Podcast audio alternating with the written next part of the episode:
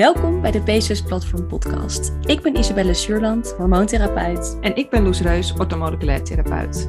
Wij zijn gespecialiseerd in PCOS en helpen vrouwen op een natuurlijke manier af te komen van hun klachten en zo optimaal mogelijk vruchtbaar te zijn. Zelf hebben wij ook PCOS en weten we maar al te goed hoe het is om met dit syndroom te moeten leven. Let op, informatie in deze podcast is informatief van aard en op geen enkele manier medisch advies of vervanging van medisch advies.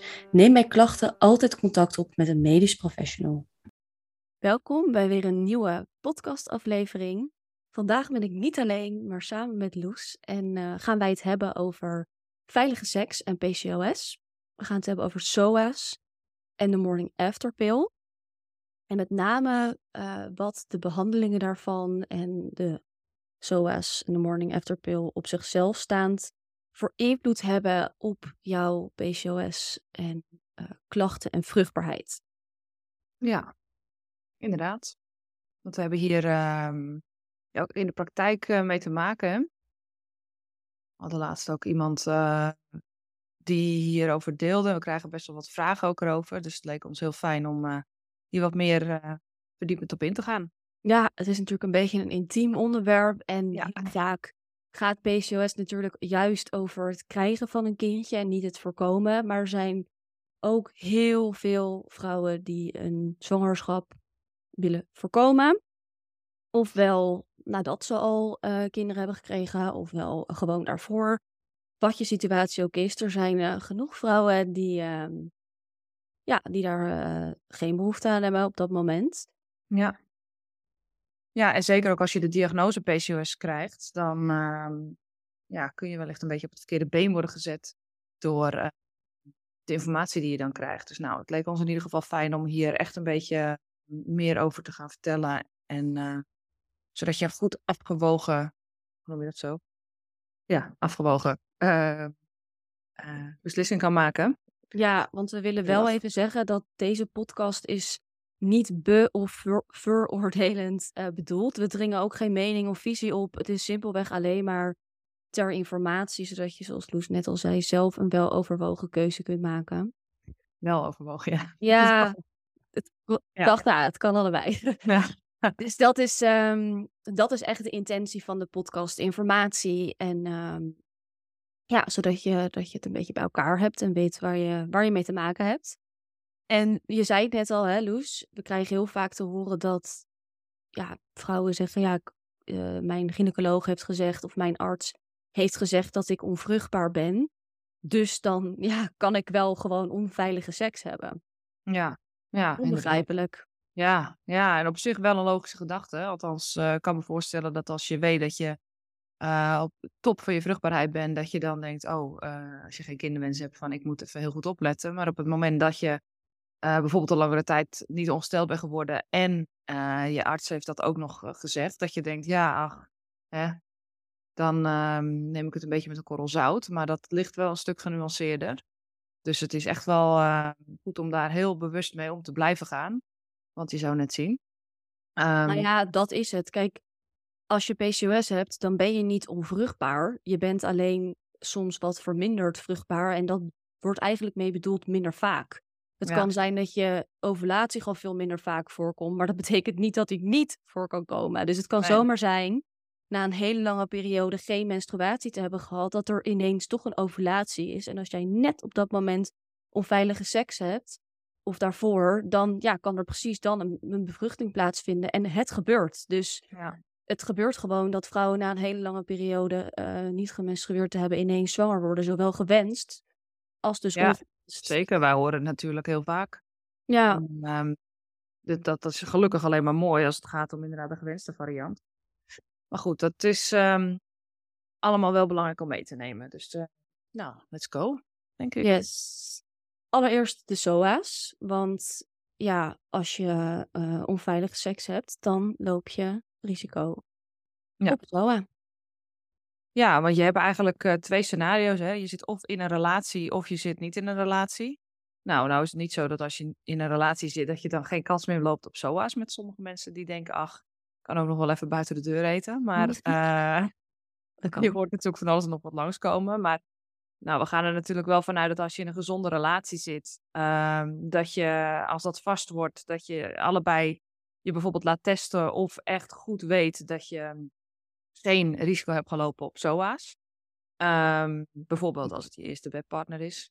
Ja, maar zelfs dan schijnt het dat je toch je moet laten uh, controleren, heb ik me wel eens laten vertellen. Ja, nou, ik denk dat het sowieso uh, geen kwaad kan. Het schijnt dat je ook bepaalde dingen mee kan dragen die jij dan wel weer seksueel kunt overdragen.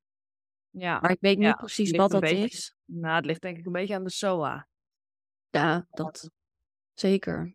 Maar um, het is denk ik sowieso geen overbodige luxe om uh, als je wel wisselende bedpartners hebt gehad of meer dan één of überhaupt om je te laten testen. Um, dat kun je bij de huisarts doen en dat kun je bij um, online. Heb je zo poly, online bijvoorbeeld, die betrouwbare testen uh, faciliteert, zodat je het echt uh, discreet thuisgestuurd krijgt en zelf kan uitvoeren. Er zitten wel wat kanttekeningen aan.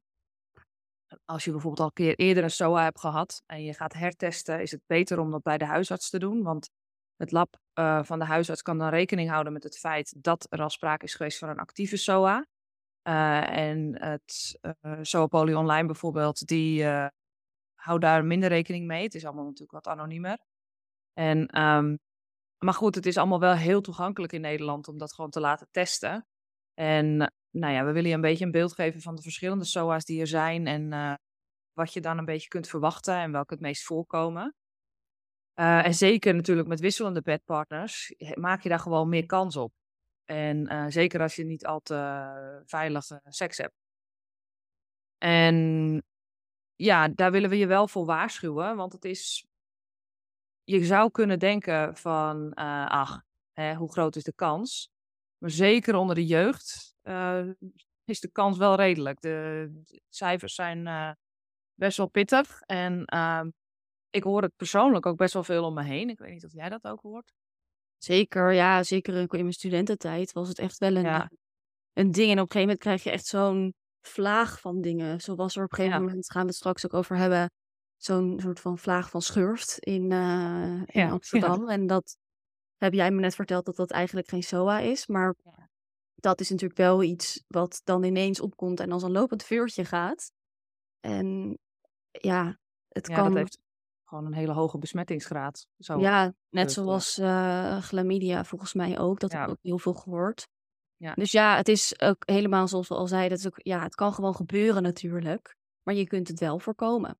Ja, ja. En het is er dus wel echt wezenlijk. Het is niet dat er een paar verdwaalde mensen er rond te lopen die toevallig een SOA hebben, maar het is echt wel uh, best wel gewoon aanzienlijk uh, kans. Dus we willen je daar wel echt voor waarschuwen dat het heel vervelend is om zoiets op te lopen, maar ook uh, de behandeling um, kan je herstel met PCOS gewoon in de weg staan. Ja, of dat je dus extra klachten krijgt. Ja. Van, ja. Of zowel als je dus niet weet dat je met een SOA rondloopt. Dat heeft ook bepaalde gevaren. Maar dus ook inderdaad als je het moet behandelen, wat natuurlijk gewoon moet. Ja. Als je het hebt. Alleen ja, het, het, is, het heeft wel gevolgen. Ja. ja, want dat wil ik ook nog wel echt, echt onderstrepen. Be behandelen SOA echt altijd. Want ik, uh, in het onderzoek hiernaar heb ik ook uh, gelezen over alternatieve behandelingen van bepaalde SOA's. Nou, daar staan wij echt nee. niet achter. Nee. Dus um, laat het gewoon regulier behandelen, zodat je weet, oké, okay, ik heb het maximale gedaan aan het bestrijden van deze SOA. Nou ja, nou wisselt dat natuurlijk wel een beetje per SOA, dus misschien is het wel fijn als ik even het hele rijtje afga. Ja. Nou, er zijn in Nederland uh, een x-aantal SOA's en ik noem ze allemaal eventjes. En we gaan wat dieper in op de meest voorkomende SOA's. Nou, chlamydia en gonoreu zijn eigenlijk de twee voornaamste SOA's. Ook de SOA's waarvan vaak gezegd wordt van nou, laat die in ieder geval uh, testen op het moment dat je gewoon even een check-up wil, maar geen klachten hebt. Vaak wordt dat ook samen getest met trichomonas. Nou is trichomonas een SOA die niet heel veel voorkomt in Nederland, maar het wordt wel uh, vaak in één adem getest. Um, chlamydia en zijn allebei bacteriële infecties, dus uh, je kunt het oplopen. Sowieso, alle SOA's kun je op verschillende manieren oplopen, maar door orale seks, vaginale seks, anale seks. Um, maar bijvoorbeeld ook al wordt op internet daar wel een beetje wisselend over geschreven. Van als je bijvoorbeeld uh, seks met je handen hebt en je gaat vervolgens over je eigen slijmvlies en dergelijke. Dus stel, ja, je wordt gevingerd door een jongen en die gaat vervolgens over zijn eigen geslachtsdeel heen. Dan zou het in principe kunnen dat je het uh, overdraagt. Dus het is wel belangrijk om daar voorzichtig mee te zijn. Maar in ieder geval, chlamydia aan het meest voorkomend. En dus bacteriële infecties. Um, je hebt daarnaast ook HPV. Die heb ik er net nog eventjes, want die hadden we nog niet in de voorbereiding. Die heb ik nog net even bijgezet. Oh. Er is in principe een SOA. HPV is iets wat heel veel vrouwen uh, met zich meedragen. En mannen kunnen dat ook. Maar bij vrouwen kan het bij de baarmoedermond voor onrustig weefsel zorgen. Ik heb het zelf gehad. Uh, niet dat het dan gelijk is dat ik met, weet je, dat het echt SOA-ish is. Nee, want je kan het ook van een handdoek krijgen. Ja, precies. Volgens mij. Dus het is niet alleen maar, dat heeft de gynaecoloog mij destijds in ieder geval verteld. Ja. Zij zeiden, ik wilde het graag laten testen. En toen zei ze van, nou ja, de kans dat je het hebt is echt zo wat 100%. Want ja, precies, kan het overal krijgen, maar ja, ik had het toen niet. Dus dat vond ik toch bijzonder. Maar, um, maar het is inderdaad zo dat uh, als je een vaste bedpartner hebt. Ik heb zeven jaar lang een vaste bedpartner gehad, gewoon mijn, mijn vaste relatie. Uh, en in die zeven jaar heb ik HPV gekregen. Maar het is dan niet dat hij dan ergens uh, nee. anders uh, lopen aanklooien en dan weer terugkomt. Het is iets wat ik ergens heb opgelopen. Ja, het kan bijvoorbeeld ook in, in de sauna of met een handdoek. Ja. Op dat soort plekken kan je het ook krijgen. Dus ja. het is heel ja, veel voorkomend. Heel veel voorkomend, ja. Maar het kan dus ook een seksueel overdraagbaar ding zijn. En uh, als je boven de 30 bent, dan word je in Nederland opgeroepen voor een test. Ik zou dat wel doen, overigens. Ik was daar toen laks in. Toen dacht ik, nou weet je, ik doe wel uh, gewoon een thuistest. Want waarom heb ik HPV? Dat, die kans is uh, minimaal. toen werd ik toch opgeroepen omdat mijn weefsel onrustig was. Um, en het is wel prettig als ze dat een beetje in de smiezen kunnen houden. Bij mij uh, liep het met de sisser af, maar het kan wel doorzetten naar te onrustig weefsel. Dus het is wel fijn om dat gewoon te doen, want dat wordt in Nederland gefaciliteerd. Ja, en het wordt in Nederland pas op je dertigste gedaan, dus opgeroepen. Maar in andere landen, daar heb ik me destijds best wel in verdiept, is de leeftijd veel lager. Dus in Nederland mm. zeggen ze, nou, de kans dat je het hebt is, of dat er iets mee gebeurt, is zo klein daarvoor. Dus we hoeven het pas op je dertigste te doen. Maar in andere landen is die leeftijd dus veel oh. lager. En ik heb toen vanuit best wel heel veel hoeken een aantal posts op Instagram, maar ook via, um, uh, via via kreeg ik best wel vaak te horen van, uh, nou, ik heb wel een uh, verkeerd weefsel gehad. En ik wou dat ik het veel eerder had ontdekt, want dan was het nog veel makkelijker te behandelen geweest. En ja. ja, dus eerlijk gezegd, ik weet niet wat hierin altijd de mogelijkheden zijn. Maar ik, ja, ik moest er dus, wat ik net zei, best wel op aandringen. Uh, bij de gynaecoloog dat ik het echt wilde laten onderzoeken. En gewoon zeker wilde weten dat er niks zat. Um, dus ik zou het wel gewoon eerder laten testen. Ik ben nog nu 26. Ik heb het volgens mij laten testen op mijn 25ste. Ja. Dus ja, weet je, bedoel, je kan het uh, als je er. Ja, tegelijkertijd, ja, ik heb daar wisselende gedachten over. Aangezien het kan namelijk ook heel vaak zo zijn dat je HPV hebt en dat er helemaal niks aan de hand is. Weet je, dat je lichaam het gewoon weer oplost. Jawel, maar dan kan je het wel in de gaten houden. Daar gaat het ja. om. Ja. Dus dan kan je in de gaten houden of dat het niet erger wordt. Dus ja. stel je voor, want zijn volgens mij, ja, ik heb me hier niet net helemaal in verdiept, maar volgens mij zijn er verschillende stadia. En mm -hmm. stel je voor, ze vinden dan op je 24ste stadia 1, dan is er helemaal niks aan de hand. Dan zeggen ze ook, je lichaam gaat het waarschijnlijk... Ja, pap, pap 3a, pap 1, pap 2, pap 3a. En ik had op een gegeven moment pap 3A1 en dan heb je pap, 3, pap 3A2. Dan wordt het echt, dan zegt de, de arts van je moet het behandelen. Dus ik zat net tegen die fase aan, zeg maar. En toen dacht mijn lichaam al, wacht heel even. En toen is hij weer op zijn retour gegaan. Ja, dus het is andersom, zeg maar. Nou, wat ik al zei, ik wist dat je stadia had, maar niet precies ja, welke. Ja. Stel je voor, je hebt een mild stadium. Dan kunnen ze, kijk, stel je voor dat je dan, hè, je bent 23, je hebt een mild stadium. Stel je voor dat ze, dan laat je het jaar daarna weer testen. Stel je voor, het loopt op dus het wordt steeds erger, dan kan je het tegengaan. En stel je voor, het gaat weg, dan weet je dat maar. Dus ik mhm. denk wel, ik heb best wel van berichten van vrouwen gelezen die dus zeiden van ja, ik wou echt dat ik het eerder had laten onderzoeken, want nu ben ik zo veel verder van huis.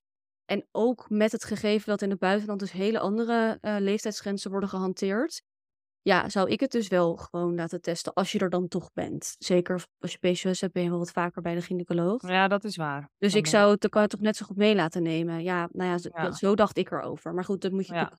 Deze podcast is om te informeren. Ja, dus dan moet je lekker je eigen visie uh, of je eigen mening over vormen.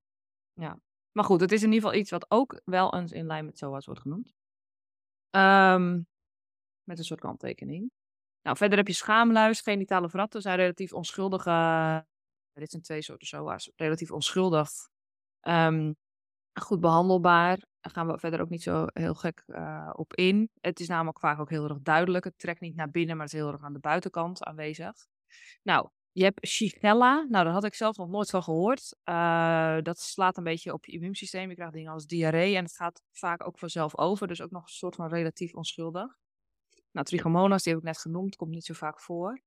Schurft komt wel, zeker in de studentenomgevingen, uh, uh, veel voor. Al dus Isabel Ja, ik niet bij mij. Geval, uh, ja, ik had er nog niet zo heel gek over gehoord. Ik heb ook lang een vaste relatie, maar ik ja. weet dat het zeker in Amsterdam schijnbaar een, ja, heel veel ja. voorkomt. En ik weet wel iemand anders die het heeft gehad en die kwam er maar niet vanaf. Het is heel wisselend hoor ik. De een um, die heeft het en, en of de een raakt er heel snel bij besmet. En de ander die is er echt honderd keer mee in aanraking gekomen en die krijgt het niet. Dus het is heel afhankelijk van jouw persoonlijke, denk ja. ik, immuunsysteem of gevoeligheid voor schurft. Maar uh, als je het eenmaal hebt, schijnt het dat sommigen er best lastig van afkomen. Dat het dan steeds weer terugkomt. En ja. um, je moet crème smeren of pilletjes nemen. En de ene dokter zegt weer dat de crème volstaat. En de ander die zegt weer dat ja. de pilletjes volstaan. Ja, ik weet er zelf het fijne niet van, maar wel... Ja, nou, schurft zijn beestjes die in je huid kruipen. En daar zaadjes of, of ontlastingen, die wil iets doen wat heel erg gaat jeuken. En wat heel snel kan toenemen. Dus het is echt dat je denkt, huh? Nee? Nou, het jeukt echt ziekelijk, heb ik gehoord. Ja, en je moet ervoor zorgen dat die beestjes dus niet meer in jouw omgeving overleven. Dus alleen als je het bijvoorbeeld in je bed hebt, ja, dan is het best wel een uitdaging, lijkt mij, om dat helemaal te ontdoen van die beestjes. Dus volgens mij. Nee, dan... dat, het kan wel. Je moet het gewoon volgens mij. Ja, ik, nog, ik weet dus niet het fijne. Ja, ik heb er wel in verdiept. Je moet het in, uh, in, in in plastic zakken doen en op Ja. wassen en zo. Dus je kan, je kan er wellicht wel van afkomen. Een soort hoofdluis, maar dan in je huis. Ja, soort van. En het schijnt ook, dat weet ik in die studentenhuizen, die hebben dan soms van die stoffen banken die ze dan ook echt weg moeten doen. Omdat, ja, omdat daar dus dan ook schurft in gaan zitten. En overal gaat schurft in zitten. Ja, dat Ja. lijkt me een ramp. Vooral Ja, omdat lijkt me het- ook echt een ramp. ja, die jeuk, ja, dat lijkt me verschrikkelijk. Maar Ja. goed, ik, eh, Maar goed, het is geen SOA. Het is gewoon iets wat, wat net als de hoofdluis, zeg maar, van, van de een naar de ander kan gaan. Alleen met lichamelijk contact in de vorm van seks kan je het natuurlijk wel heel goed overdragen. volgens mij moet je 20 minuten met iemand knuffelen of in Ja, bed liggen. ja. Of, maar het schijnt dat je het ook volgens mij kan overbrengen met bijvoorbeeld als verzorgsters ouderen wassen. Of ja, als je lang met mensen op een bank zit, kan het natuurlijk ook. Ja, ja. Dus ja, het is in ieder geval iets wat bestaat. Ehm, nou, en dan heb je verder natuurlijk ook nog dingen als herpes, hepatitis, HIV. Dat zijn allemaal virussen.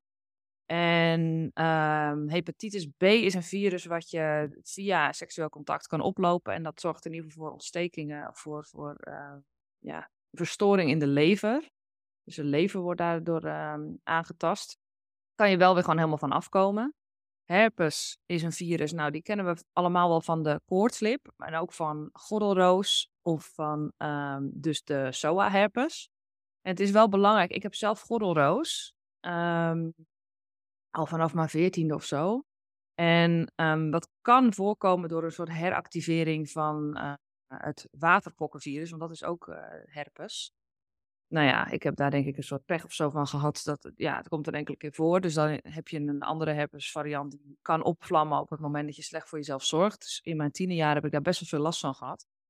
Ehm, en dat komt vaak op dezelfde plek eh, naar boven, maar kan zich ook verplaatsen. En ehm, eh, bij mij komt het voor op mijn gezicht, maar bijvoorbeeld ook op mijn bil. En het is echt belangrijk om ehm, te checken wat voor herpesvariant je hebt. Want als het een ehm gordelroosvariant is, dan is er helemaal niks aan de hand. Want zolang je bedpartner dan eh, gewoon de waterpok hebt gehad, is, is dat helemaal niet besmettelijk.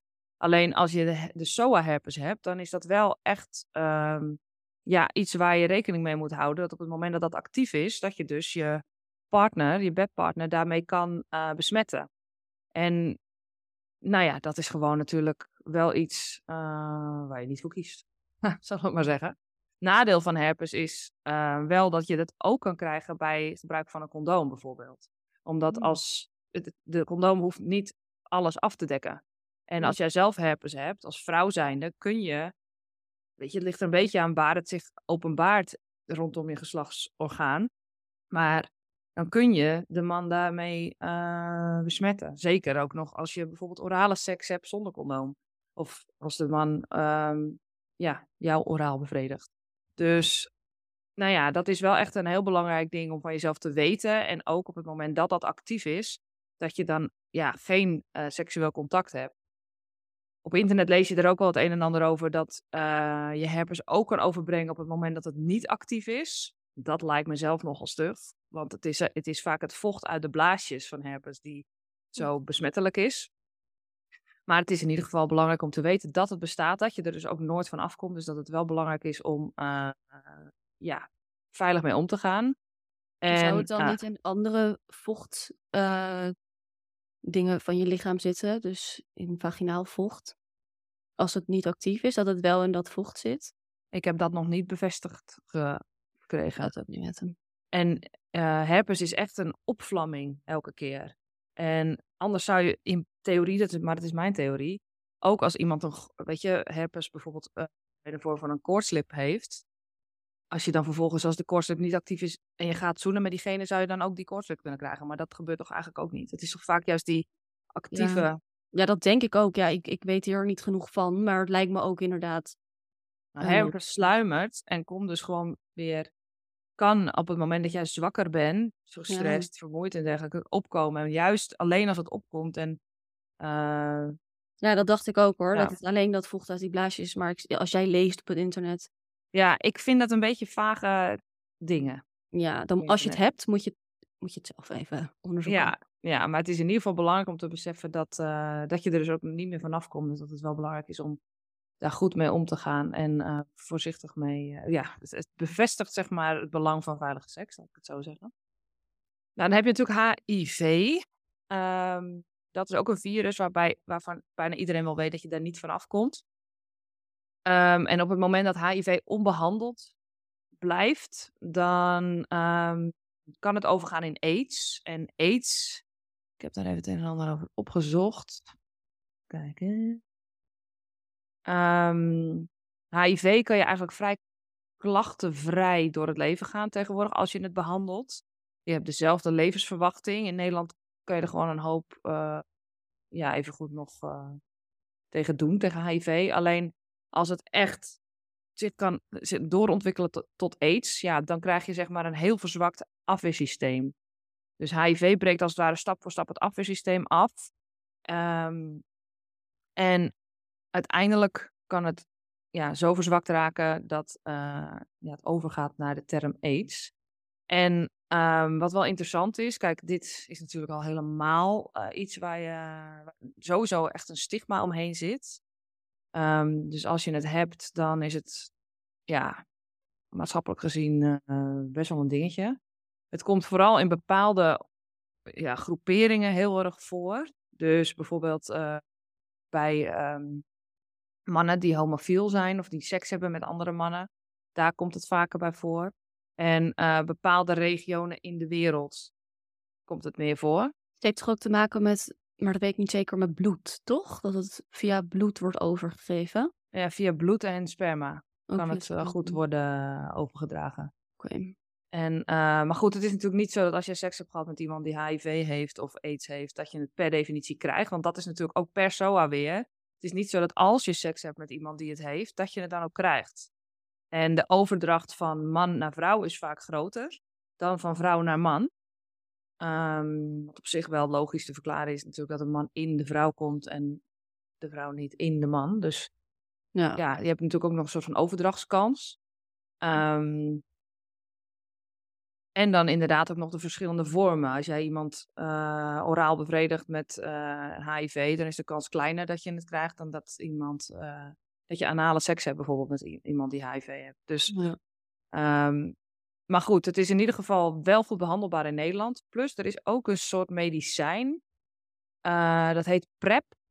En als je dus seks hebt zonder condoom met iemand die HIV heeft, dan verkleint het of minimaliseert het echt je kans op uh, die overdracht. Dus dat wordt in de ja, gay scene heel erg veel gebruikt. Uh, omdat ja, Mm. daar veel meer speelt. En mensen dan toch de keus maken om onveilige seks te hebben. En dan gebruiken ze dat medicijn. Hm. Fijn dat dat er Dus is. ja, dat is wel heel fijn. En ik denk ook dat als je dat structureel of, of over de tijd, zeg maar, dat dat steeds meer wordt gebruikt, uh, dat je daarmee HIV veel minder uh, laat verspreiden. Dus dat zijn wel hele mooie Zeker. ontwikkelingen.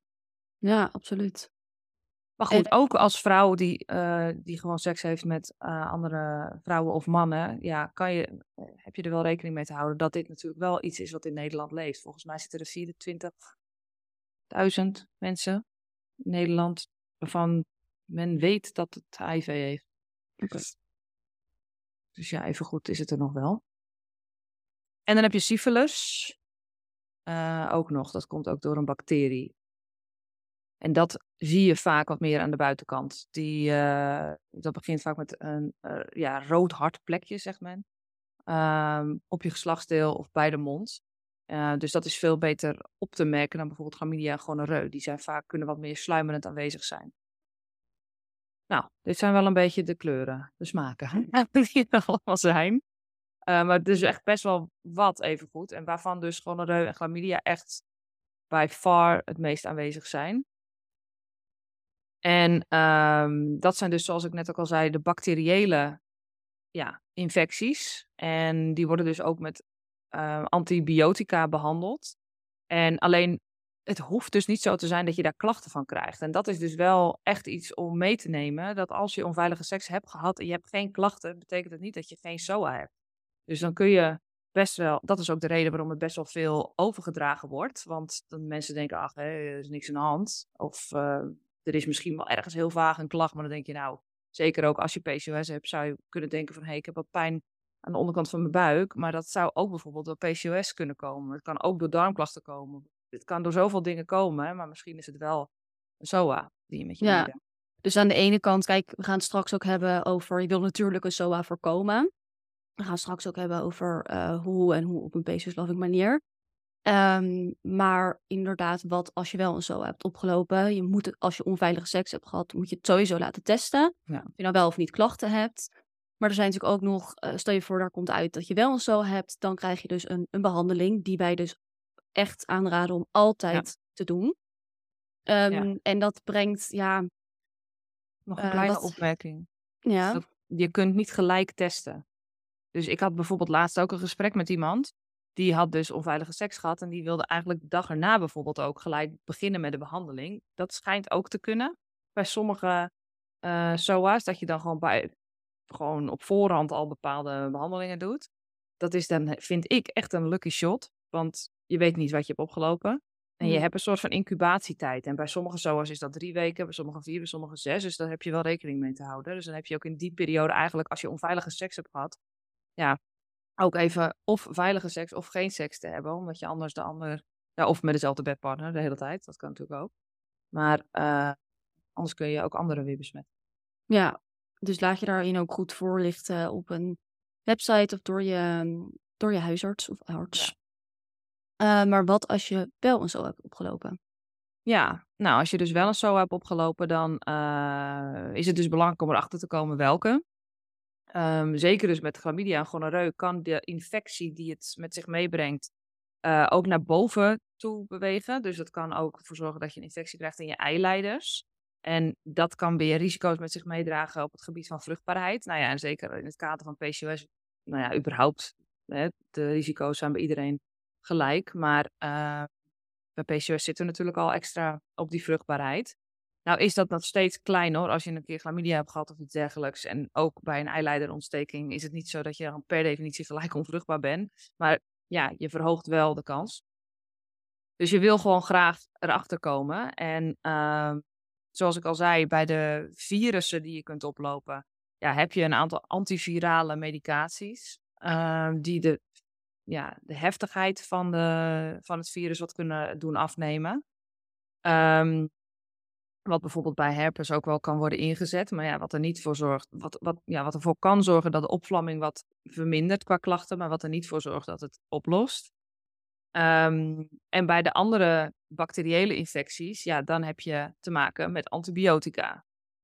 Wat we dus ook heel erg aanraden om te gaan doen dan. Want voordat je zeg maar verder ook in de, in de behandelingen ingaat, nog heel even over die gevaren voor zeg maar, je vruchtbaarheid als je een Mhm. SOA hebt. Eh, ik denk wel dat die, of ik neem even aan dat die gevaren wel toenemen als je ermee blijft rondlopen. Als je het snel behandelt, dan zijn die gevaren heel klein, toch? Ja, ja. Ja, het is dan eigenlijk een beginnende infectie. En kijk, voor hetzelfde geldt een minimale. Weet je, dan zijn er gewoon die bacteriën in je eh geslachtsorgaan. Dat hoeft dan misschien nog helemaal niet tot een soort van probleem te leiden. Het enige is dat je het wel met je meedraagt en iemand anders het kan geven. Wel, inderdaad. Maar dus de, de vruchtbaarheidsgevolgen zijn met name als je er dus mee blijft rondlopen, onbehandeld. Dus daarom ook raden we dus aan om zo snel als mogelijk dan ehm, te testen. En, en dat dat met name gewoon eigenlijk heel belangrijk is. Ja. Oké. Ehm, nou ja, en er zijn verschillende soorten antibiotica die worden ingezet. Nou is dat natuurlijk heel erg afhankelijk van ehm, de bacterievorm die je hebt. En ook wel van eh, bepaalde omstandigheden. En nou ja, gonoreu wordt vaak behandeld met een prik. Ehm antibiotica kuur via, een, eh, via gewoon een prik.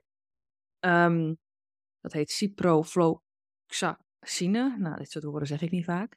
Ehm, maar je kunt ook een kuur krijgen. En er zijn verschillende kuren in waarbij de een sterk is en kort kan worden ingezet. En de ander wat minder sterk werkt bij gonoreu. En, en daardoor veel langer ingezet moet worden. Zoals bijvoorbeeld azithromycine. Dat is een ehm antibiotica kuur die je volgens mij twee of drie weken moet nemen. Wil je gonoreu er echt mee ehm, elimineren. En die vorm van antibiotica wordt ook bij chlamydia ingezet. Dus, ehm, en bij chlamydia werkt dat dan weer veel beter. En wat bij chlamydia, daar heb je dus die azithromycine en ook eh doxycycline, die kan worden ingezet. En afhankelijk van de situatie eh, kiest de arts ervoor. En ehm, ook afhankelijk dus van de locatie. En daarom is het belangrijk om op het moment dat jij eh, seks hebt gehad, alle plekken waar je mogelijk zou kunnen zijn geïnfecteerd, dat je die test. Kijk, een man heeft het wat dat gaat in principe makkelijk. Die hoeft alleen in een potje te pissen. Eh, en wij vrouwen moeten overal stokjes in steken. dus eh, let er dus ook op van, hè, heb je onveilige orale seks gehad, dan is dat ook echt een plek die je wil checken. En heb je onveilige eh, anale seks gehad, ook. En als je onveilige vaginale seks hebt gehad, ook. Maar ook bij chlamydia, dat is wel interessant, ehm, kan het dus zo zijn dat je vaginaal alles gecheckt hebt en dat het eh, bijvoorbeeld dat je daar een infectie hebt gehad, dat je daarvoor behandeld bent, maar dat het ook kan gaan lopen, zeg maar. Ehm, bij die, eh, dat kan dus gaan verplaatsen naar anaal, terwijl, daar, terwijl er helemaal geen sprake is geweest van anale seks. En ehm, dus daar las ik ook het een en ander over, dat dat ook afgelopen jaar best wel is aangescherpt. Dat ehm, want de behandeling voor vaginale chlamydia was heel anders dan de behandeling voor anale am- chlamydia. De vaginale chlamydia is veel makkelijker behandelbaar. Hm. Dus als je dan de anale chlamydia niet meeneemt, ook al is er dus geen anale seks gehad, kan er bij een vaginale behandeling toch anaal chlamydia blijven en in je lichaam blijven. En vervolgens na behandeling gewoon dat je jezelf eigenlijk als het ware weer vaginaal besmet, omdat je het anaal nog bij je draagt. Nou, en dat wil je in ieder geval niet. Dat je eigenlijk halve ehm, behandelingen doorgaat. Dus niet volledig efficiënte behandelingen. En dat je herhaaldelijk moet worden behandeld op chlamydia of op wat voor SOA dan ook. Ehm, bacteriële SOA dan ook, want dit is vaak een kwestie van bacteriën. Een virus werkt daarin heel anders. Ehm, want die bacteriën kunnen ook weer bacterieresist... eh, hoe noem je dat nou? Antibiotica. antibiotica-resistentie krijgen. En eh, nou, dan lijkt mij dat je dan nog verder van huis bent. Dus je wil vooral volledig testen. En ehm, huis, de ene huisarts is daar strenger en strikter op dan de ander. En daarom willen we je er ook goed in informeren in deze podcast. Van nou ja, als dat zo is, pak alles mee. Ehm, Laat het overal testen. laat het overal testen. Dat is eigenlijk Ja. de boodschap. Ja. Ja. Ehm, nou, voor zover eigenlijk. Ja, kijk, je hebt natuurlijk met schurft en met schaamluis en met genitale vratten heb je andere behandelingen. Dat zijn meer zalven en externe behandelingen, Ja. maar daar gaan we nu verder niet zo gek eh, veel op in. Want Ehm, die ehm, behandelingen, zeker die eh, antibiotica-behandelingen, die hebben natuurlijk wel bepaalde bijwerkingen of gevolgen voor je gezondheid. Ja, ja, want ehm,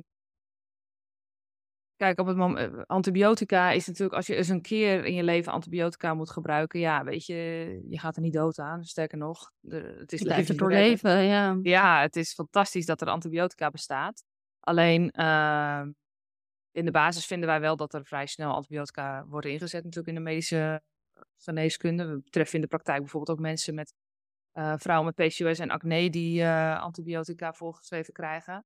Ja, dat dacht je van blaasontstekingen? Sommige vrouwen krijgen Ja. continu blaasontsteking door eigenlijk vaak een, juist een verstoorde darm, of darm eh, flora in eh, vaginaal gebied. En die krijgen Mhm. ja, soms wel, wel, wel acht antibiotica Ja, kuren voor ik. gehad. Ik heb er vroeger denk ik ook wel een stuk op acht gehad. Ik heb er ook wel een aantal gehad, maar niet acht. Maar wel Ja. veel. Ja, het, het, het, en als je dan en, en, en, je- zo heb je ineens Ja. 10, eh, 15 antibiotica kuren gehad in je Ja. leven. Ja, en antibiotica is wel gewoon, eh, ja, wat het doet is dat het bacteriën vermoordt. Alleen het denkt niet bij zichzelf van, oh, eh, ik pak even deze vorm van bacterie, want het is vaak eh, breder dan een specifieke vorm. Je hebt wel meer gerichte antibiotica, maar ehm, het pakt vaak meer mee dan wat je echt wilt. En dus het pakt ook heel veel goede bacteriën mee. En alles in je lichaam hangt samen van bacteriën. En zeker je darmflora bijvoorbeeld, of zeker onder andere je darmflora, heeft zoveel bacteriën die voor je werken, dat als je daar een ehm antibiotica kuur in gooit, ja, dan kun je er ja, kun je klachten verwachten. Zoals misselijkheid, obstipatie, darmproblemen, eh, extra lucht in je darmen. Ehm, daarnaast heeft je lichaam natuurlijk een extra medicijn af te breken, dus je kunt ook extra vermoeid zijn. En ehm, ja, dat staat natuurlijk als het ware indirect wel een beetje je herstel in de weg. Of misschien zelfs wel direct je herstel in de weg. Want je lichaam gaat prioriteren. Die gaat aan de slag met het afbreken van die antibiotica. En ehm, de essentiële darmflora die zo nodig zijn om alle voedingsstoffen uit je voeding te halen. En om ehm, ja, eigenlijk de brug te zijn tussen de buitenwereld en de binnenwereld. Die wordt even extra belast. En sommige want- mensen... Sorry. Want even voor de beeldvorming, kijk, je darmflora, je darmbacteriën hebben zeg maar invloed op alles. Op je immuunsysteem, op je hormonen, op je hormoonafbraak. Maar dus niet alleen maar als jij denkt van nou, ik heb geen darmklachten, dus bij mij zal het wel geen effect hebben gehad. Het kan ook effect hebben gehad op andere eh, delen in je lichaam. Ja. En het is natuurlijk net waar je staat en hoe groot je draagkracht is, hoeveel last je hiervan gaat ervaren. Maar op het moment dat je. eh, het, doet sowieso iets. Het is sowieso een gewicht aan de verkeerde kant van de weegschaal. Eh, maar dan, zeker op het moment dat je nog in balans aan het komen bent, ja, is het natuurlijk iets wat je liever wil voorkomen dan dat je denkt, ach, hè, ik eh, kijk wel even wat ik doe met onveilige seks en dan maar een antibiotica kuurtje extra. Dat, niet dat je er zo makkelijk misschien over denkt, maar het is wel echt iets om bij stil te staan dat het ook echt in lijn ligt met het herstel van PCOS. Inderdaad, dus het is eigenlijk meer, kijk, als je een SOA hebt, dan moet je hem behandelen. Maar we willen je eigenlijk ook aanraden, juist met deze informatie, of eigenlijk informeren, zodat je ook denkt, hopelijk denkt, hè, ik, ik ga er echt voor, voor staan, ik ga voorkomen dat ik een SOA krijg. Ja, Want dan heb je ook deze hele ellende niet. nee, precies. Ehm, het is wel opvallend trouwens dat ehm, antibiotica die vaak wordt gebruikt voor eh, chlamydia, wordt ook ingezet tegen de bestrijding van acne, doxycycline. Ehm, Oh ja. Alleen het, eh, ja, dus op de korte termijn zou je dus ook een verbetering van eventueel acne kunnen eh, verwachten. Alleen eh, tegelijk is het natuurlijk wel, ja, eh, met een omweg iets wat acne juist kan versterken. Want op het moment dat je je darmen wat meer belaagt door een antibiotica-kuur, kan dat acne in de hand werken. Op allemaal verschillende manieren. En dat heb ik in de vorige podcast uitgebreid besproken. Meer informatie. De, de vorige podcast. Dat hij viel uit mijn hoofd darmdysbiose. Dus Ja. eh, dat, dat kan zeker invloed hebben. En ik wil ook zeggen dat sommige vrouwen ervaren wel verbetering eh, na antibiotica kuren, maar heel veel ook niet. Ja. Dus het is echt niet iets wat altijd werkt bij acne. Maar goed, Nee. dat is een andere. Die doet het in dit geval natuurlijk ook niet voor de acne. Nee, nee, precies. Ehm, nou, dus dat is even het stukje voornaamste, denk ik. Ja, omtrent de medicatie en het effect van, uh, ervan op PCOS. Ehm, denk ik, hè? Ja. Is ook nog wat? Ja, nee, ik denk dat dat het is. Dat het uiteindelijk kijk, weet je, het is ook gewoon de mate waarin. Kijk, als het één keer gebeurt, is het ook iets heel anders dan dat jij continu uh, SOA's oploopt. En, komt en weet je, no judgment. Alleen het is wel uh, dat je weet dat je dit waarschijnlijk, uh, dat dit het gevolg is. Dus dat je die, ja. ook die behandelingen, waarvan het heel fijn is dat ze er zijn, moet nemen. En dat het wel gevolgen kan hebben. Ja. En soms is dat pas na drie antibiotica kuren, maar dat je later daar wel veel ellende van kan krijgen. Ja, ja, en over het algemeen is het wel zo met een antibiotica-kuur als behandeling op een bacteriële SOA. Dat uh, over het algemeen is het zo dat dat gewoon tot een oplossing komt. Dus dat, dat het helemaal behandeld is. Toch komt het ook wel eens voor dat de behandeling niet voldoende aanslaat. Dus het is altijd echt heel belangrijk om uh, nog een keer te testen als je een actieve SOA hebt gehad na behandeling. En uh, dat is sowieso zes weken na um, de stop van de behandeling. Maar het liefst wat langer, zodat je uh, ja, er iets langere tijd over heeft, maar minimaal zes weken volgens mij. En um, ja, dus dat wil je wel, om echt even te checken dat het werkelijk uh, over is. En dat doe je dus bij de huisarts, bij voorkeur. Oké, okay. Oké, nou dan het laatste punt. Hoe voorkom je een SOA? Nou ja, eigenlijk gewoon een condoom gebruiken. We hebben net gehoord dat niet alle SOA's dus te voorkomen zijn met condooms, maar het merendeel wel. Ja. En wat wel belangrijk is om te noemen, wat, uh, wat een beetje voor de hand liggend is, maar soms toch blijkbaar ook niet, is dat je geen, ook geen orale seks moet hebben zonder condoom. Want ook via je mond kun je gewoon een SOA krijgen. Dus, nou goed, dat is een beetje algemene. Uh... Ja, het kan volgens mij zelfs via zoenen kun je sommige ja. SOA's krijgen. Alleen, je kan bijvoorbeeld niet een bacteriële SOA overbrengen via zoenen alleen. Dat zou wat wezen. Ja. Zoenen. Maar goed, um, als er bijvoorbeeld wel sprake is van blaasjes in de mond, zoals bijvoorbeeld bij syphilis het geval kan zijn, dan kan dat bijvoorbeeld weer wel via ja. zoenen worden overgebracht. Nou, heb ik ja. dat nog nooit gehoord. Syphilis. Oh, ik heb syphilis gekregen omdat ik met iemand heb lopen tongen. Maar, nee, maar je weet het niet. Maar goed, nee. kijk, het punt is, je kan natuurlijk niet helemaal voorkomen. En we raden je vooral ook aan, kijk, dit is geen SOA-voorlichtingspodcast. Um, nee. vooral zelf ook online opzoeken hoe je het allemaal kan voorkomen. Maar wat we wel even op in willen gaan, is het gebruik van een condoom. Ja. Um, want de condooms, uh, ja, die worden gebruikt, die kunnen best wel uh, verstorend zijn voor de ja, het milieu in je vagina. En dat hoor ik best wel vaak. Dus dat zou ook een reden kunnen zijn waarom je ze dus liever vermijdt. Maar dat dus alsjeblieft niet. Liever een uh, condoom die misschien de boel daar dus verstoort dan geen condoom. Ja. En als je denkt, ik wil het niet, dan liever geen seks. Um, word dan maar gewoon geheel onthouder. Nou, in ieder geval in dat geval. Als je in een situatie ja. komt, ja, weet je, dan, dan niet. Um, wel, en we hebben een aantal, uh, even, ja, zogenaamde PCOS loving condooms. Alles kan tegenwoordig PCOS loving. Dus condooms ook. Um, we hebben even ja, gewoon opgezocht wat condooms zijn die zo min mogelijk uh, ja, verstorende stoffen bevatten. En eigenlijk kwamen we alleen maar uh, op een merk dat heet Fair Squared. Fair rubber. Dus dat is gewoon van natuurrubber en bevat allerlei stofjes niet. Zoals bijvoorbeeld twee mersaptobenzothiazol. Nou, al deze termen uh, zijn ons inderdaad niet zo uh, bekend. Wij spreken dit niet vaak uit, dat hoor je wel. Nee. Um, ja, er staat hier dat het, dat het, het is het meest clean wat ik tot nu toe heb kunnen vinden.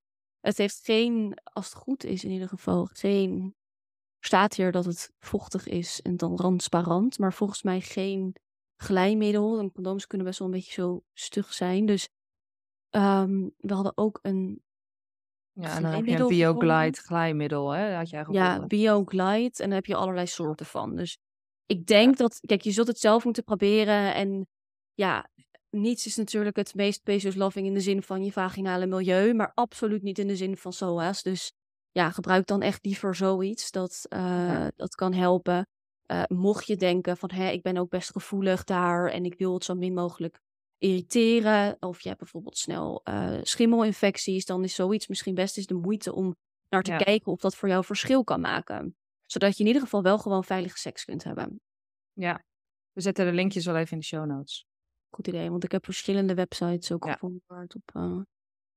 En dan de morning after pill. Want stel je voor, je hebt onveilige seks gehad. En um, dan is even naast het hele SOA-verhaal, kan het natuurlijk ook zijn dat je een zwangerschap wil voorkomen. En stel je voor, je zit niet aan andere anticonceptie. Ja, ja, nou die morning after pill, daar um, hebben we ons even helemaal in verdiept. En um, in principe, ja, is het als het ware een, ja, stootkuurtje van een dag aan uh, hormonen die het niet, uh, eigenlijk die de ijsprong uitstelt. En ja, daar wordt dus van gezegd van nou, als je die pil slikt, dan komen de zaadcellen geen eicel tegen. Maar um, tegelijkertijd, als er al een, uh, hoe zou dat ook weer is? Um, nou, het zit zo. Kijk, als de eicel, of als de ijsprong niet geweest is, of wel geweest is, kan het dat niet voorkomen natuurlijk. Nee, het is, we hebben hier best wel onderzoek naar moeten doen, want hier was helemaal niet zo heel makkelijk nee. informatie over te vinden. Maar je hebt nee. dus inderdaad, uh, dat had jij ook ontdekt, dat er, er zijn verschillende soorten uh, morning after. Je hebt één ja. met progestageen, dat is de levonorgestrol. Nee, ik kan het nooit uit. We hebben er helemaal op geoefend net. Al die Levon... Levonorgestrol. Ja. Dat is zeg maar pro, uh, progestageen. Je hebt ook nog is je hebt ook nog, ja, je hebt er verschillende merken van. Ja, maar Isteranda, Norlevo en Postinor. En je hebt naast deze categorie, waarin dus dat uh, levonorgestrol en dus progestageen zit, heb je de LA1 en die bevat ulipristallacetaat. Ulipristalacetaat. Ah ja, jij kan het beter. En uh, dat is weer iets anders, maar dat progestageen, Daarvan konden we eerst alleen maar vinden dat het inderdaad de ijsprong uitstelt. Maar wij dachten, hoe kan het dan werken als je wel een ijsprong hebt gehad? Maar het schijnt ook dat het de uh, innesteling van een ja. eicel, uh, als die bevrucht is, vermoeilijkt en um, eventueel ook tegengaat. Dus mocht er nog geen innesteling zijn plaatsgevonden, dan is de kans heel groot dat, dat progestageen dat gaat voorkomen. Maar als er dus al een hele innesteling is geweest, dus daarom zeggen ze ook dat je het zo snel mogelijk na de onveilige seks moet nemen, dan kan het dus zijn dat er wel gewoon een. Als die dus al ingenesteld is, dan, dan helpt het niet meer.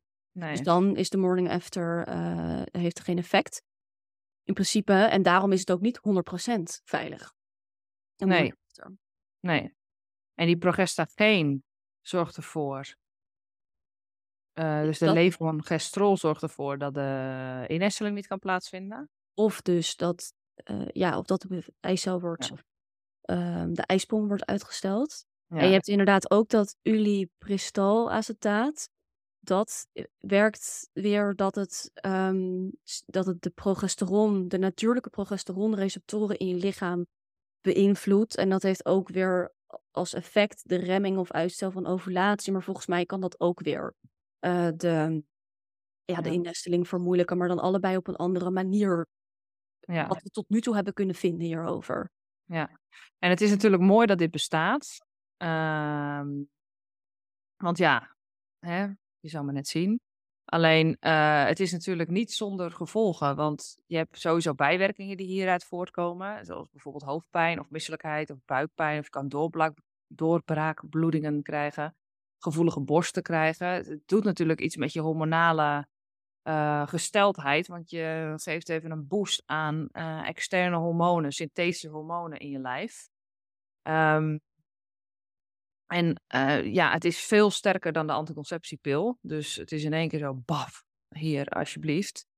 Um, en ja, ook dat, ja, dat rommelt natuurlijk met je weg naar balans. En dat is voornamelijk eigenlijk de uh, boodschap die we willen geven van op het moment dat jij natuurlijk gaat verstoren, nou ja, je geeft je lichaam in ieder geval weer een extra taak, want je lichaam gaat die synthetische hormonen afbreken. Nou ja, je lever gaat daar mee uh, aan de slag. Er zijn bepaalde systemen in je lever die dan extra belast worden en dat vraagt dan weer extra nutriënten, die dus niet gebruikt kunnen worden voor andere processen, maar die dan echt eerst de, gifstoffen willen gaan afbreken. En de lever heeft het vaak al zo zwaar bij PCOS. Dus het is gewoon een extra belasting. En uh, nou ja, ja en dat, namelijk. dat progestageen heeft ook een andere gene werking. Oh ja, ja, Dus inderdaad. ja. uh, nou las ik daar ook weer verschillende dingen over. We gaan een andere keer een podcast opnemen over anticonceptie en de invloed daarvan op PCOS. Want progestageen is ook de stof die in de mini-pil zit. En dat is de pil, de hormonale anticonceptiepil met alleen maar um, uh, progestageen en geen est estradiol, synthetische vorm daarvan. Dus um, en daar gaan we dus een andere keer dieper op induiken, want we wilden het hier dus met name even hebben over het effect van, van de morning after.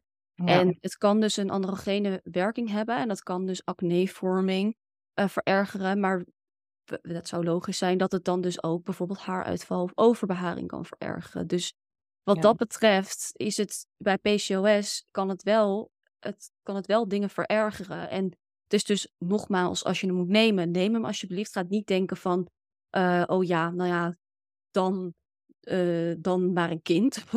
Doe, nee. Ik zal wel niet zwanger raken. Kijk, dat weet je niet. Dan nee. kunnen we wel wat over zeggen als je ziektes trekt. Maar um, dat niet. Maar probeer echt te voorkomen dat je hem moet nemen. Want het, het is echt wel. Uh, het, het, kan echt, echt heel erg klachten verergeren bij PCOS. En dat horen we ook wel vaker van de morning ja. after. Dus het kan. Um, en ook allebei de vormen. Want het kan dus ook invloed hebben. Zeker die uh, Ella-1.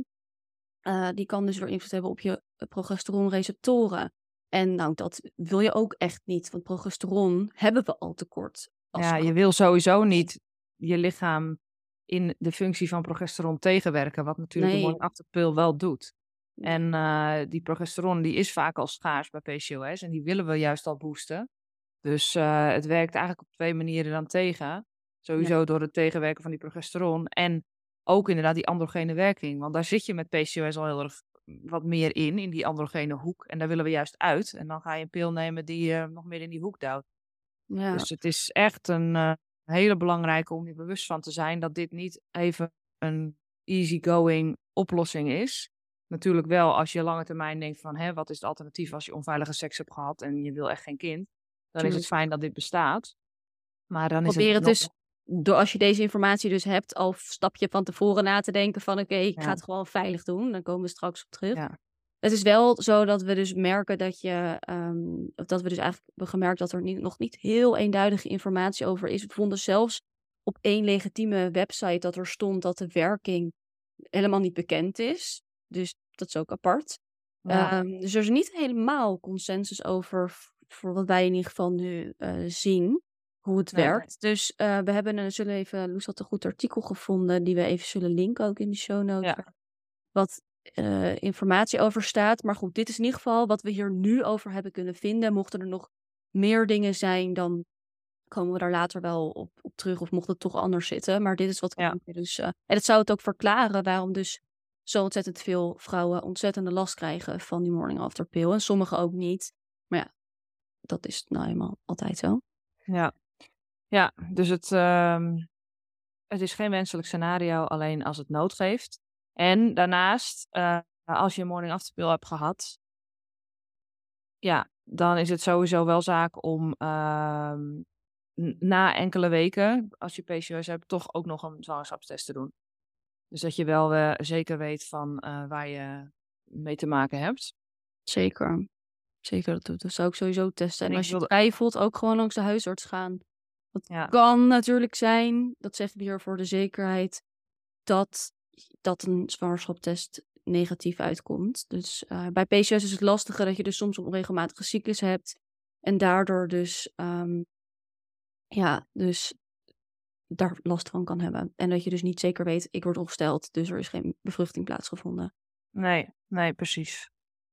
Ja, nou verder wil ik nog heel even genoemd hebben dat, uh, daar had ik het laatst dus ook met iemand over. Ja, je staat bijvoorbeeld als je in de heat of the moment bent, uh, met een partner. Echt onwijs in je recht als het niet goed voelt om het niet te doen. Ik wil het toch even gezegd hebben. Uh, soms zijn mannen nogal makkelijk.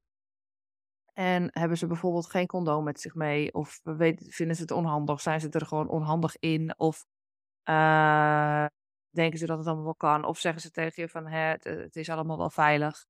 Ja, dat, is, dat zijn wel echt van die situaties waarbij je echt onwijs voor jezelf moet kiezen. En uh, bij jezelf moet blijven. Dus dat wil ik nog wel even genoemd hebben. Dat als je dus in zo'n situatie komt, dat je dan eventjes hier aan terugdenkt. Ja. Wat zijn Loes ook alweer? Nee, maar dat, um, dat je dan echt voor jezelf mag kiezen. En dat het helemaal prima is om het allemaal iets langzamer aan te doen. Uh, en het niet allemaal maar op zijn manier hoeft. Soms ja, kan dat wel voorkomen. En dan zit jij daarna mogelijk met uh, problemen. Uh, heel veel onrust.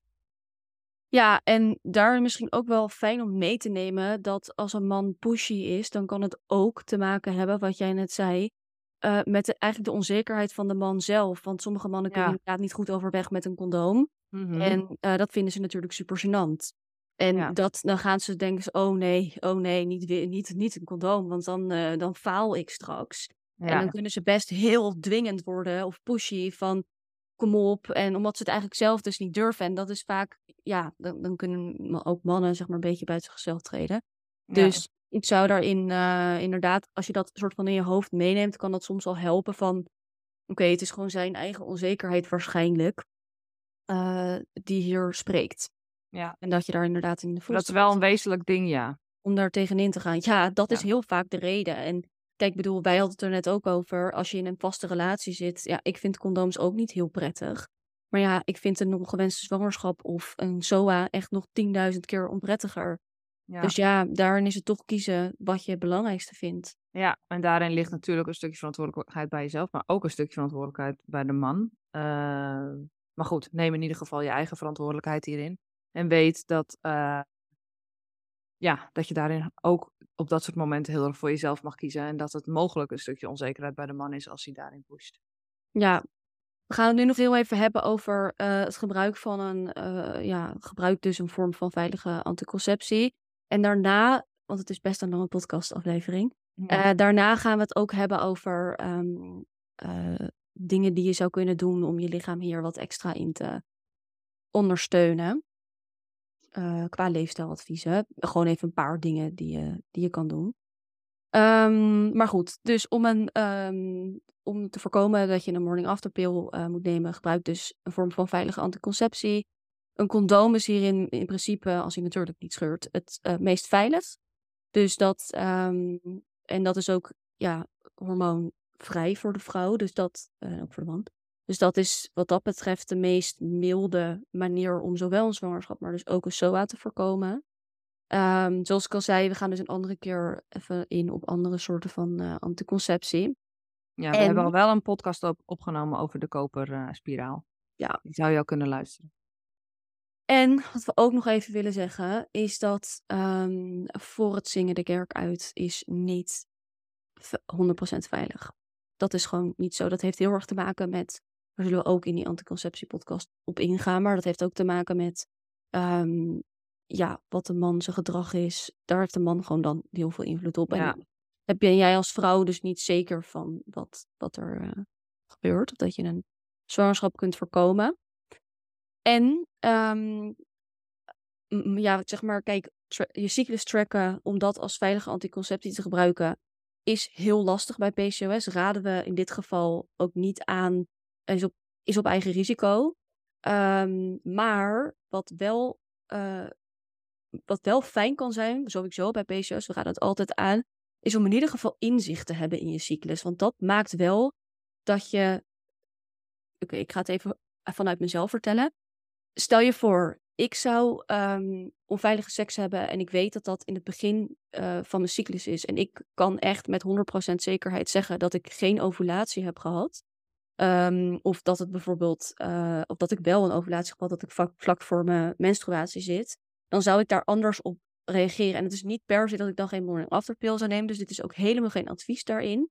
Maar het is wel om überhaupt een beetje kennis te hebben over je situatie. ehm, kan het sowieso gewoon heel fijn zijn om inzicht te hebben in je cyclus. Ja, en daarmee bedoel je als je aan het begin van je cyclus bent, dus als je bijvoorbeeld een menstruatie hebt of net een menstruatie gehad hebt, je weet dat dat een menstruatiebloeding is, dus niet een tussentijdse bloeding, dus je weet dat het een gevolg is van een ovulatie, dan weet je in die periode ben je waarschijnlijk niet zo vruchtbaar.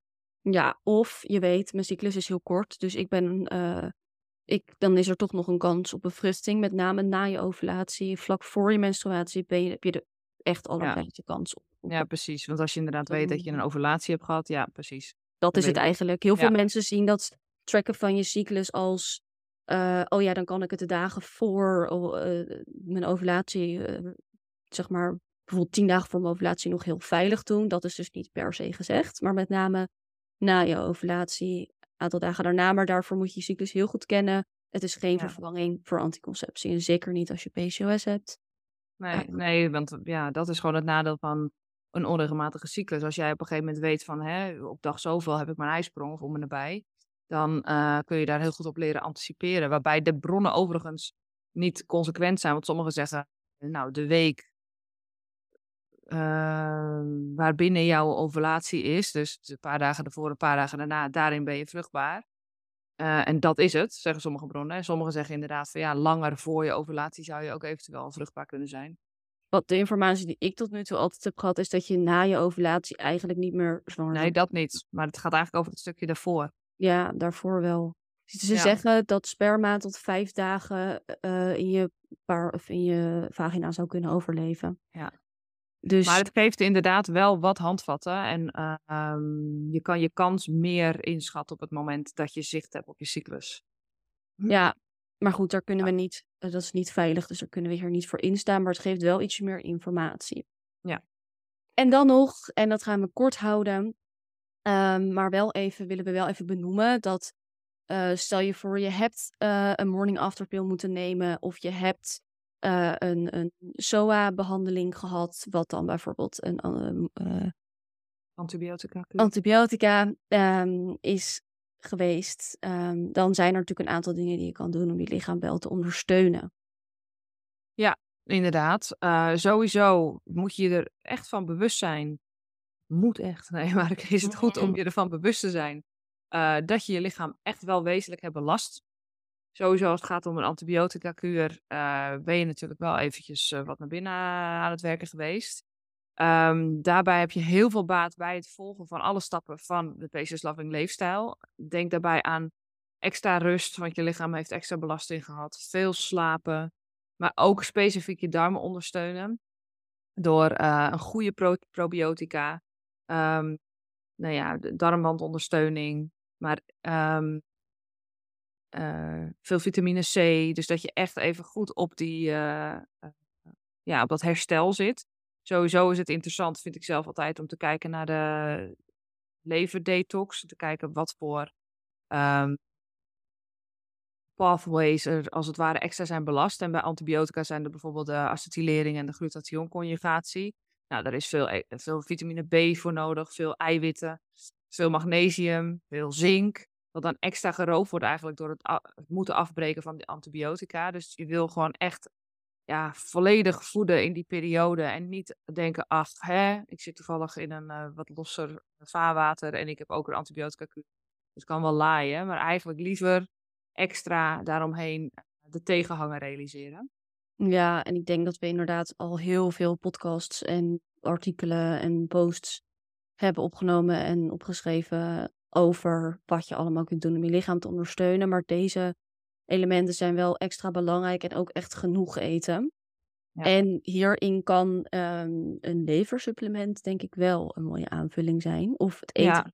lever en uh, ook een oestersupplement of het eten van oesters. Um, wij ja. hebben er wel wat aanbevelingen voor, die zullen we wel even in de show notes zetten. Ja. Mocht je, die, uh, mocht je dat willen. Oké, okay. Nou ja, en de morning after pill, ja, vergelijkbaar hè. Dat, uh, Hetzelfde eigenlijk, ja. Ja, dus wees, dat is eigenlijk vooral onze boodschap. Je kunt heel specifiek inzetten, namelijk per uh, antibiotica vorm en per behandelingsvorm. Maar dat is te veel maatwerk. Maar ons advies is wel echt, wees je ervan bewust. Je bent gewoon echt wel je lichaam extra aan het belasten. Dus zorg voor het lichaam. Je hebt ja. even een uitslippertje uh, gemaakt, mogelijk. Maar uh, ja, het ja. kan gewoon gebeuren. Het is menselijk. Het kan gewoon gebeuren, ja. En, en dat gebeurt aan de ehm, lopende band. Dus wees daarin ook een beetje wild voor jezelf. Ja, absoluut. Absoluut. Maar um, ja. Maar ja, wat we in het begin... Mogelijk. Inderdaad, wat we in het begin ook zeiden. Als je er gewoon misschien wat meer bewust van bent. Dan kan je er gewoon iets wel over, meer wel overwogen over nadenken. Dus Ja. dat, Ja. dat is het. Oké, we gaan hem afronden. Ja, er komen dus nog podcasts aan in lijn met deze. Dus hè, mocht je dan eh, hier vragen over hebben, bijvoorbeeld ook, dan horen we het eh, graag. Dan Yes. gaan, we, gaan we lekker afronden. Yes, dankjewel voor het luisteren. En ehm, mocht je de podcast fijn vinden of eh, je er wat aan hebben, dan zou het heel fijn zijn als je even een review wil achterlaten. Dat kan op Spotify met van die sterren en in iTunes kan je ook een berichtje achterlaten. En ehm, nou ja, mocht je nog eh, vragen hebben of iets, dan eh, kun je ons altijd een berichtje sturen op Instagram. Yes. Oké, Tot tot de de volgende keer. doei.